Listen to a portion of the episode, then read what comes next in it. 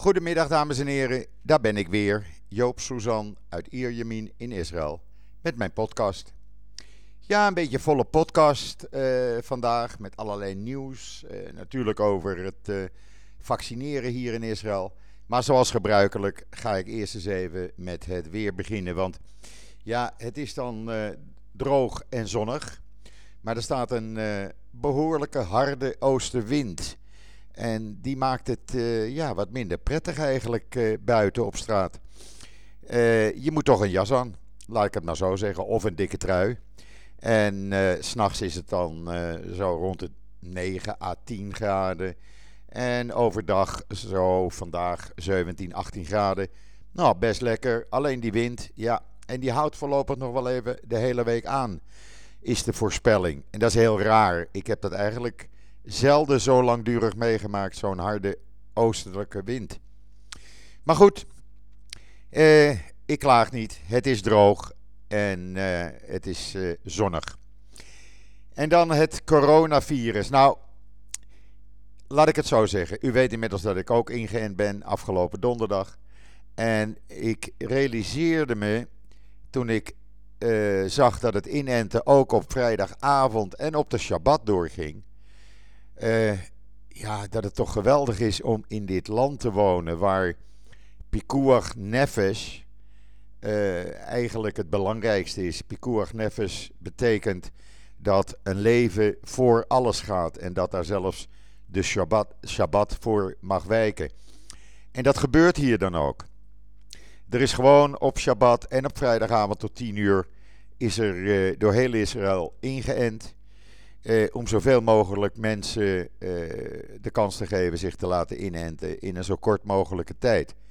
En eh, net is bekend geworden, en u kunt dat zien op JoodsNL, dat er gisteren, zondag, bijna 100.000 mensen zijn ingeënt. Nog net geen 99.000.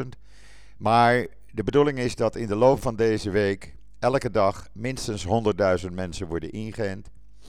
En volgende week moet dat oplopen naar 150.000 mensen. Ja, u hoort het goed, 150.000 mensen. Uh, de bedoeling is dat bij eind februari het grootste gedeelte van de Israëlische bevolking is gevaccineerd tegen het coronavirus. Uh, waardoor er sprake is van een soort herd immunity, althans volgens uh, premier Netanyahu. En er een ja, zeg maar terugkeer naar een normaal, tussen aanhalingstekens, leven mogelijk is. Ik hoop het met hem. Uh, iedereen verlangt ernaar om weer een beetje normaal te kunnen leven. Op dit moment, ja, sinds gisteravond zitten we weer in een lockdown. Alhoewel, een lockdown. Even een slokje water ertussendoor. Een lockdown. Ja, de scholen zijn gewoon aan. Uh, er wordt nog gewerkt. Ik zag vanmorgen de files bij mij uh, uit uh, richting Snelweg. Waren wel iets minder dan normaal, maar mensen gaan gewoon naar hun werk. En voor de rest is alles dicht op supermarkten en levensmiddelenzaken na opticiens, elektronica en drogisterijen en apotheken die open zijn. Ja, is dat dan een echte lockdown? men noemt het zo. In ieder geval door het domme besluit, want dat noem ik het, om die lockdown gisteravond om 5 uur te laten ingaan. In plaats van bijvoorbeeld vanmorgen om 5 uur of zelfs om middernacht. Stonden er gisteren voor het eerst in de geschiedenis van Israël meer dan duizend kilometer files op de snelwegen. Alles was geblokkeerd. Eh, ik hoorde van mensen die eh, vanuit Tel Aviv mijn richting uitkwamen, wat normaal 18 minuten rijden is. Die deden nu 2,5 tot 3 uur erover. Kunt u nagaan. Er was geen beweging in te krijgen. Er waren op alle televisiezenders speciale uitzendingen vanuit het politiehoofdkwartier. Waar je de enorme files rond Tel Aviv zag op de ringweg, de Ayalon. Uh, alles stond vast. Alleen maar omdat men die zogenaamde lockdown dan gisteravond om 5 uur liet ingaan in plaats van om middernacht of 5 uur vanmorgen. Ja, eh, voorlopig zegt men die lockdown die duurt twee weken, maar hou er maar rekening mee. wordt er gezegd dat het tussen de drie en vier weken gaat duren. Nou, dat pikken de bedrijven niet. De winkeliers hebben al gezegd: wij eh, accepteren een week, tien dagen en daarna gaan we gewoon open. Want vergoedingen van de regering, ach, het wordt zo mooi toegezegd, maar er komt geen cent onze richting uit. Uh, dat zijn dan de nadelen. Uh, het voordeel is dat het vaccineren, uh, zoals ik net zei, doorgaat. Er zijn nu 230 plaatsen waar je kan vaccineren. De gemeente Tel Aviv gaat op het Rabinplein, het grote plein voor het stadhuis, een hele grote tent neerzetten waar 20 uh, mensen tegelijk gevaccineerd kunnen worden per dag. De ziekenhuizen vaccineren iedereen die dat wil. er zijn zelfs ziekenhuizen die zeggen van Luister, uh, ook al ben je niet boven de 60 of behoor je niet tot de risicogroep, wil je je laten inenten, dan kom je maar. Nou, zo gezegd, zo gedaan. En dat gebeurt dan in grote getalen. Mensen willen zich echt laten inenten. Ja, en dan nog even in die lockdown. Wat mag je nu wel en wat mag je nu niet? Nou, ik zei u al, de winkels uh, zijn dicht. Je mag officieel niet verder dan een kilometer van je huis. Of je trekt een trainingspak aan en je gaat een beetje, uh, een beetje joggen. En dan mag je uh, zover als je wil. Want dan, dan ben je sportief bezig. je mag niet iemand anders zijn huis bezoeken. Ik mag dus niet naar de kinderen toe. Of ze mogen niet hier komen. Bedrijven die niet rechtstreeks het publiek bedienen, moesten 50% terugschalen. Dat betekent dat zoveel mogelijk mensen thuis moeten werken. Rijlessen worden niet gegeven. Kappers, schoonheidssalons, dat moest weer dicht. Openbaar vervoer is met 50% verminderd. Bijeenkomsten in gesloten ruimtes niet meer dan 10 mensen en buiten niet meer dan 20. En dat geldt ook voor begrafenissen of bruiloften. En wat gebeurt er dan? Dat in de Arabische sector en in de uh, ultra-orthodoxe sector, ja, niemand zich daaraan houdt. En iedereen gewoon lekker uh, feest gaat vieren zonder masker op. En gewoon lekker bezig is. Ja, kijk, er wordt nu hier ook in Israël gezegd, steeds meer mensen van, luister, deze lockdown heeft niets met het coronavirus te maken. Het is gewoon politiek. Want als de regering ballen had, hadden ze gewoon de Arabische buurten en dorpen afgesloten. De ultra-orthodoxe buurten en steden afgesloten. En hou je dat virus binnen die groepen. In plaats van dat het nu over het hele land verspreidt. Maar ja, dat durft de regering niet, want Netanyahu weet dat als hij dat doet, de ultra-orthodoxe partijen zeggen: doei, ga maar naar een andere coalitiepartner kijken bij de komende verkiezingen in maart. Eh, en dan weet hij dat hij helemaal geen regering kan samenstellen. Daarover gesproken, over die uh, regering. Uh, ja, meneer Gans die is uitverkoop aan het houden. Want uh, er zijn inmiddels vier mensen van zijn partij die hebben gezegd van luister, uh, meneer Gans, het is mooi geweest. Je houdt je niet aan je woorden eh, die je ons hebt beloofd. Je doet precies wat Netanyahu wil. En daar doen wij niet meer aan mee. En we zoeken wel een andere partij. Dat betekent dus een leegloop. De peilingen wijzen uit dat, ook al heeft hij nu nog 33 Knessetzetels, uh, hij misschien niet eens de, verkiezingen, de verkiezingsdrempel haalt. En oh, maximaal vier, vijf zetels. Dat is de voorspelling. Waar gaan die uh, uh, uittredende blue and white uh, Knessetleden dan naartoe? Ja, mogelijk naar de nieuwe partij van Gideon Saar of mogelijk naar La Pizza partij Yesatit. De toekomst zal het uitwijzen. Inmiddels de partij van Gideon Saar doet het goed in de peilingen uh, zitten Likud op de hielen. Of ze echt de grootste partij worden, ik betwijfel het, maar je weet het maar nooit. Uh, Netanyahu doet er alles aan om te laten zien dat hij de redder des vaderlands is. Om bijna elke avond wel een argument te hebben om even op tv te verschijnen en te zeggen van jongens, kijk eens hoe goed ik het doe.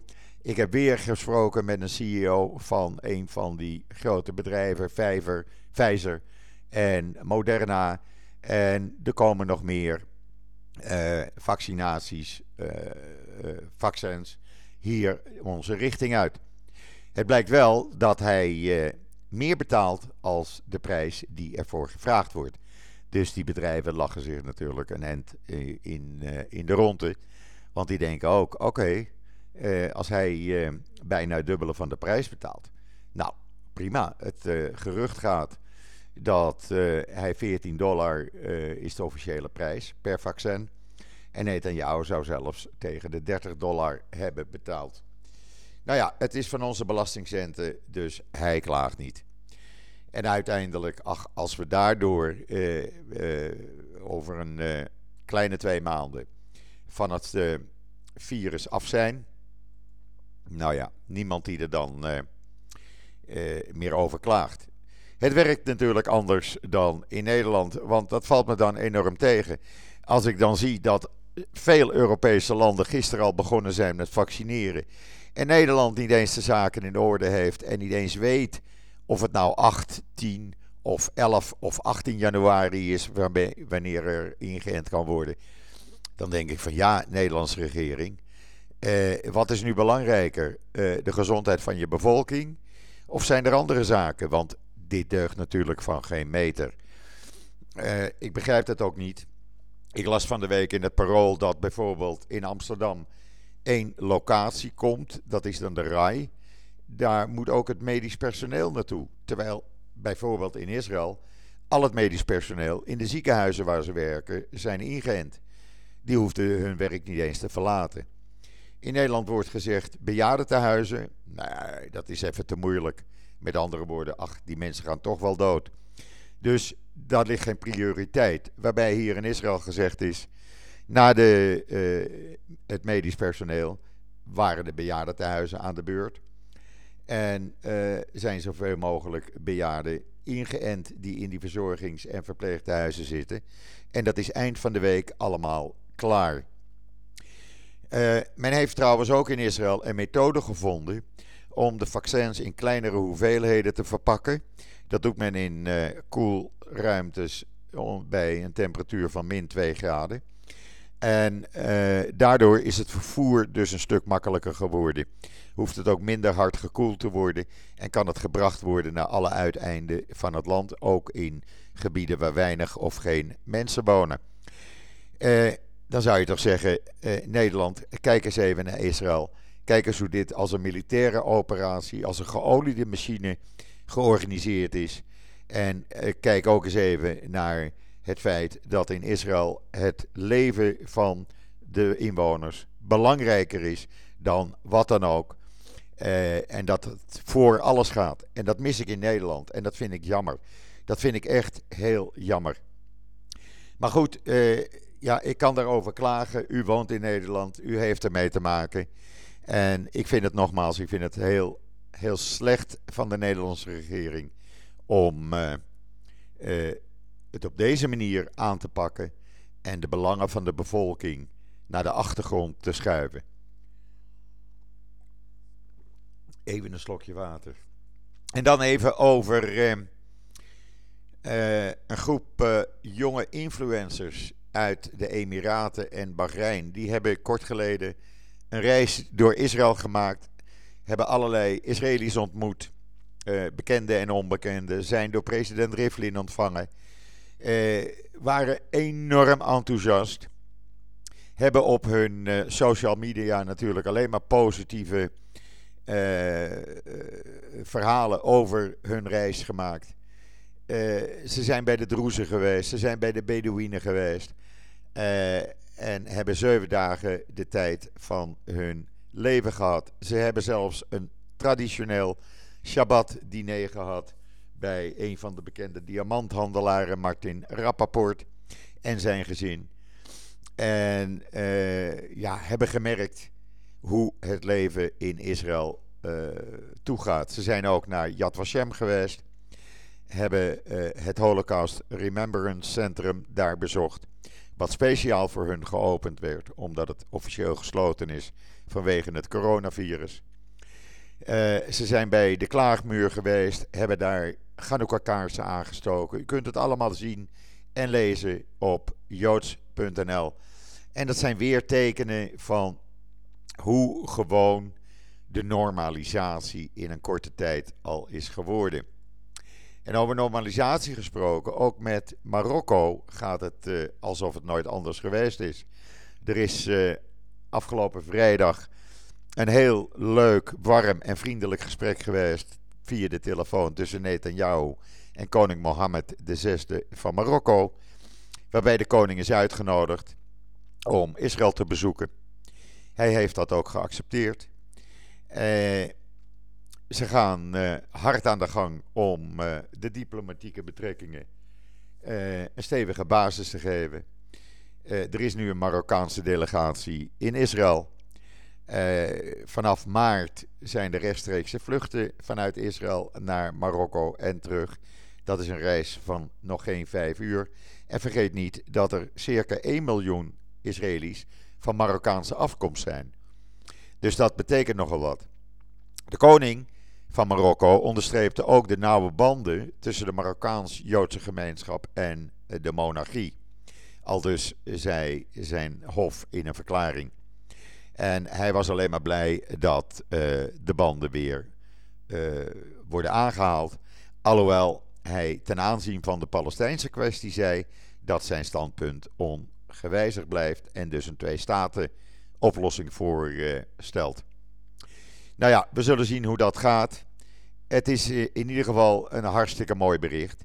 En dat bewijst alleen maar dat ja, steeds meer duidelijk wordt dat Arabische landen en Israël het uitstekend samen kunnen vinden.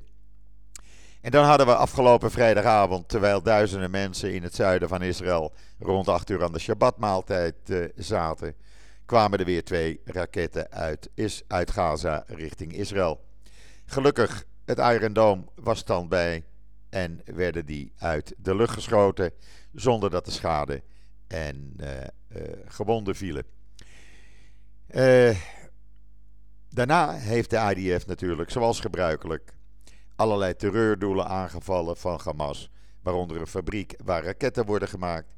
Uh, ondergrondse infrastructuur, alhoewel dat zijn dan tunnels en ondergrondse opslagplaatsen en een militaire post. Hamas ging weer klagen van dat staat helemaal niet in verhouding tot die twee raketten. Maar ja, dan moet je maar geen raketten op Israël uh, afschieten ga je maar wat anders doen. Bijvoorbeeld uh, uh, zorgen dat je het coronavirus uh, onder de knie krijgt. ja, het blijkt ook dat Nasrallah, die liet ook nog even van zich horen vanmorgen vroeg. En die heeft gezegd dat ze nu precisieraketten hebben. En die kunnen exact de doelen in een groot deel van Israël bereiken. Nou, als hij zo doorgaat, dan denk ik dat het gauw exit uh, Nasrallah is. Want Israël, ja, uh, laat dat niet gebeuren natuurlijk, dat begrijpt u. Het zou mij ook niet verbazen. Hij zit nog steeds in een, uh, in een bunker ergens diep onder de grond in Libanon. Want de man is bang dat hij de volgende op de lijst is die naar de andere wereld wordt geholpen. En dan mag hij ook martelaar gaan, uh, gaan spelen. En dat wil hij niet. Daar wil hij wel zijn mensen voor inschakelen. Die moeten maar martelaar worden. Maar hij, nee, nee, nee. Maar gelukkig, Iran die helpt hem. En uh, het toont maar weer aan dat het goed is dat Nederland nog steeds een militaire attaché in Iran heeft. Uh, waardoor uh, Nederland toch goed de, de zaak in de gaten kan houden. Dat is toch wel heel belangrijk, vind ik. Over Nederland gesproken. Eh, afgelopen woensdag hebben wij op Joodse NL eh, dat artikel geplaatst over eh, mevrouw Kaag, die eh, overweegt om Islamic Relief eh, zo'n 9 miljoen eh, euro van uw belastinggeld te gaan schenken. Um, dat is bij mevrouw Kaag niet in goede aarde gevallen, dit artikel, kan ik u zeggen. We hebben namelijk eh, inmiddels bericht gehad van haar persvertegenwoordiger. Die kwam met een mail waarin hij schreef, eh, dat was afgelopen uh, vrijdag, eerste kerstdag, waarop hij schreef dat het verhaal niet juist is, want dit en me dat en mijn zus en me zo. En het kwam erop neer dat Nederland nog steeds wacht op een rapport uit onder andere Duitsland. Nou, daar hebben we hem een handje mee geholpen. Want u weet dat wij dit uh, project samen doen met NCO Monitor uit Jeruzalem. En toen uh, NCO Monitor hiervan hoorde, hebben ze mij het rapport uit Duitsland toegestuurd. En ik ben zo vriendelijk geweest om gisteren het rapport naar de woordvoerder van mevrouw Kaag te sturen. Met de mededeling: eh, meneer de woordvoerder, kunt u tegen de minister zeggen: zij hoeft niet meer te wachten op het rapport. Het zit als aanhangsel bij deze mail. En als extra service hebben we een soortgelijk rapport van de Zwitserse regering erbij gedaan. Waaruit ook blijkt dat niet alleen Duitsland, maar ook Zwitserland deze Islamic Relief als een terreurclub beschouwt. In ieder geval een club uh, die banden heeft met terreurorganisaties. Dus wij hebben mevrouw Kaag een handje geholpen. Uh, natuurlijk hou ik u uh, op de hoogte, maar het excuus van haar van ja, ik neem een besluit zodra ik het rapport uit Duitsland binnen heb. Ja, dat gaat dus niet op. wij hebben dus het rapport aan haar toegestuurd. Ik vind het onbegrijpelijk dat NGO Monitor wel het officiële Duitse rapport heeft. Maar de Nederlandse regering doodleuk zegt: ja, wij wachten daar al op. En eigenlijk hebben we dat verzoek al een tijdje geleden ingediend. En we krijgen dat nou niet. Ik denk dat er ergens een, uh, een verhaaltje wordt uh, verzonnen. Denk ik zomaar. Maar goed, wij houden u op de hoogte. Want er komen nog veel meer ontwikkelingen aan. Uh, nog meer zaken waarbij mevrouw Kaag er niet voor schroomt, schroomt om allerlei belastinggeld aan terreurgerelateerde organisaties te schenken en dat met zeer gulle hand doet. Ja, dan ben ik inmiddels alweer uh, aan uh, mijn tijdslimiet. rest mij u nog een hele fijne voortzetting van deze maandag, de 28 december, toe, toe te wensen. Het is de ene laatste podcast van dit jaar. Donderdag maak ik nog een podcast, althans dat is de bedoeling, op de laatste dag van het jaar. En dan gaan we over naar 2021 en laten we er maar met z'n allen dan een heel gezond en mooi jaar van maken. Uh, nogmaals, een hele fijne voortzetting van deze maandag. Ik ben de donderdag weer. En zeg ik zoals gebruikelijk: tot ziens, tot donderdag.